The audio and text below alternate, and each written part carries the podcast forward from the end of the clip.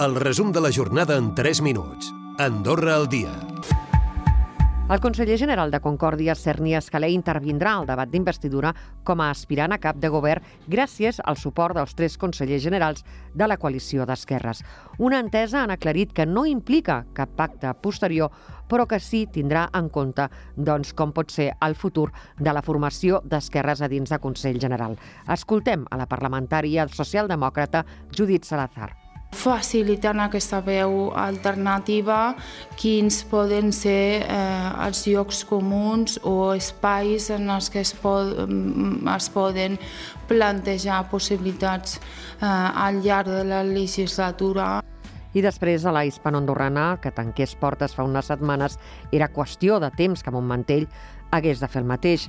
Dimecres ha estat el dia, des d'ahir matí, totes les seves línies internacionals les cobreix IFE, l'única companyia que s'havia presentat a govern i que era prou solvent com per endur-se la llicència per operar al país. Ho ha explicat el ministre de Finances en funcions i portaveu, César Marquina.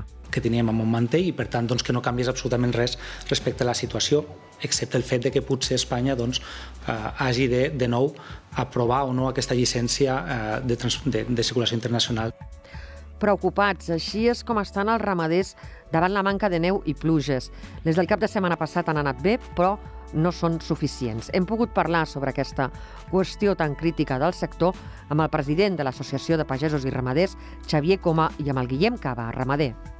Possiblement, de cara a l'estiu, l'herba per, pel bestiar a la muntanya sigui escassa. Haver de treure més de la meitat dels, dels pollins fora perquè no els podíem mantindre durant l'hivern i aquests pollins ja no estan aquí a Andorra per engreixar-los i per arribar a l'escorxador i avui hem parlat amb el president de la Cambra de Notaris, Joan Carles Rodríguez Minyana, sobre la pujada de tipus d'interès que ha provocat doncs, a complicar el pagament de les hipoteques i també que els bancs en concedeixin.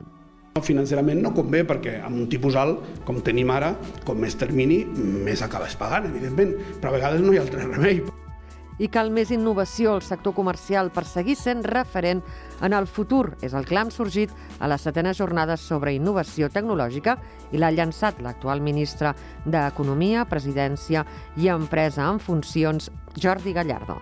Els grans consumidors potencials de demà són sí o sí digitals, consumeixen de manera digital i per tant jo crec que hem de mirar cap a aquest mercat digital.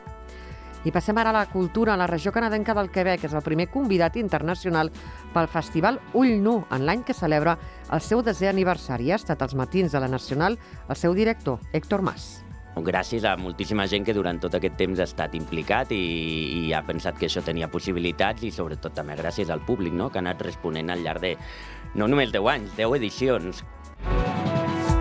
Recupera el resum de la jornada cada dia a AndorraDifusió.d i a les plataformes de podcast.